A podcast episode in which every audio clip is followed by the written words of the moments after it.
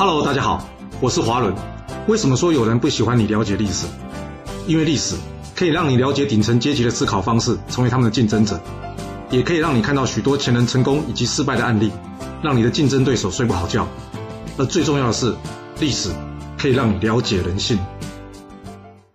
我们刚刚在战国第三十四集的故事中讲到，这田丹巧妙的巧施连环计啊，最后让齐国用仅剩下来的两座城池啊，反扑燕国，取回失去的土地。而成功恢复齐国的故事啊，我很小时候第一次听到这个故事的时候，也觉得很热血啊。哦，这田丹好聪明啊，好人终于战胜了坏蛋了。但是当我到初中时看到这段历史的时候啊，感受就不太一样，因为并没有说燕国领军的大将乐毅是个坏蛋呐，而且三国中的诸葛亮啊，还曾自比管仲、乐毅。换句话说，这乐毅应该不是坏蛋吧？啊，一个不是坏蛋的人率领了一大堆国家攻打齐国，这到底是谁有问题啊？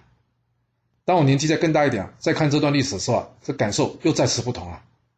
其实，齐国与燕国之所以会火拼啊，完全是在苏代的纵横穿梭之下所形成的。当然，有人说是他为了他哥哥苏秦报仇，也有人说其实呢，这是张仪从中穿针引线，想要瓦解合纵势力啊。但不管真正的原因是什么，这场战争造成五国联军，甚至是六国攻齐啊，让齐国从战国七雄的神坛上重重的跌了一跤。那之后呢？秦国独强的局面几乎可以说啊是确定的事实啊。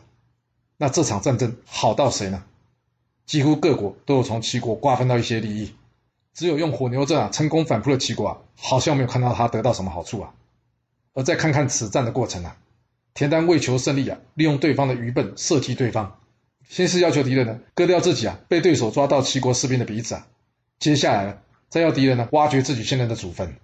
用这种伤害自己人或是伤害祖先的方式来换取一个成功反扑的机会，这样做真的好吗？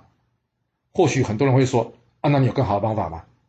要是想要战胜燕国，我没有更好的方法。但是，哎，有没有一种可能，那就是认输啊？一旦齐国认输，齐国人民的牺牲会不会就没那么大了？这牺牲最大的将只有齐国的贵族王室啊！想一想，当初赵武灵王攻打楼烦的时候，人家对方不就直接投降了？那有听说过赵国把楼烦的人民都杀光，或是虐待吗？古代战败了一国啊，可能会变成奴隶，但是现代奴隶殖民这种事啊，并不是主流，不是吗？没有人想输，但是要如何衡量输赢，可能不只是从战场上。像我们之前所说的，所有的战争几乎都顶层利益的争夺过程啊，但牺牲的主要都是下层无辜的平民百姓啊。一个真正关心人民的政府啊，会想尽一切办法避免战争，而不是我要怎么打。更不是我要怎么撑下去啊！战争没有赢家，和平没有输家，这句话不是口号，而是事实啊！齐燕的火拼耗损了齐国跟燕国的国力，最后好到谁啊？而田丹火牛阵英勇的故事背后啊，是用多少人民被毁容，以及多少先人尸骨被挖出来作为代价？每个战争背后都有它的原因的，但这个原因通常不是谁是正义，谁是邪恶的，而是谁威胁到了谁的利益，而谁又拿走了谁的好处啊！就像前面说的乌俄战争一样，面对战争，我们要考虑的是，这战争的爆发对我的影响是什么？我要如何避免自己生活地方发生一样事？千万别把焦点放在谁是正义的一方啊！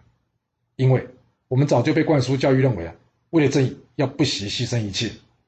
然而对顶层阶级来说啊，他们却是常常为了一切不惜牺牲正义啊。在他们而言，所谓的正义是由胜利者来定义的，您说是吧？若是您有其他的想法，也欢迎您留言分享你的看法给大家哦。好了，我们今天就先说到这。若是你想要知道完整版的故事内容，欢迎您可以到说明栏中找到我爱故事频道的连结。要是你喜欢这个频道，还要麻烦您动动你的手指，点赞、订阅、追踪，或是给我五星评价的支持以及留言分享哦。谢谢您来收听，我们下次再见。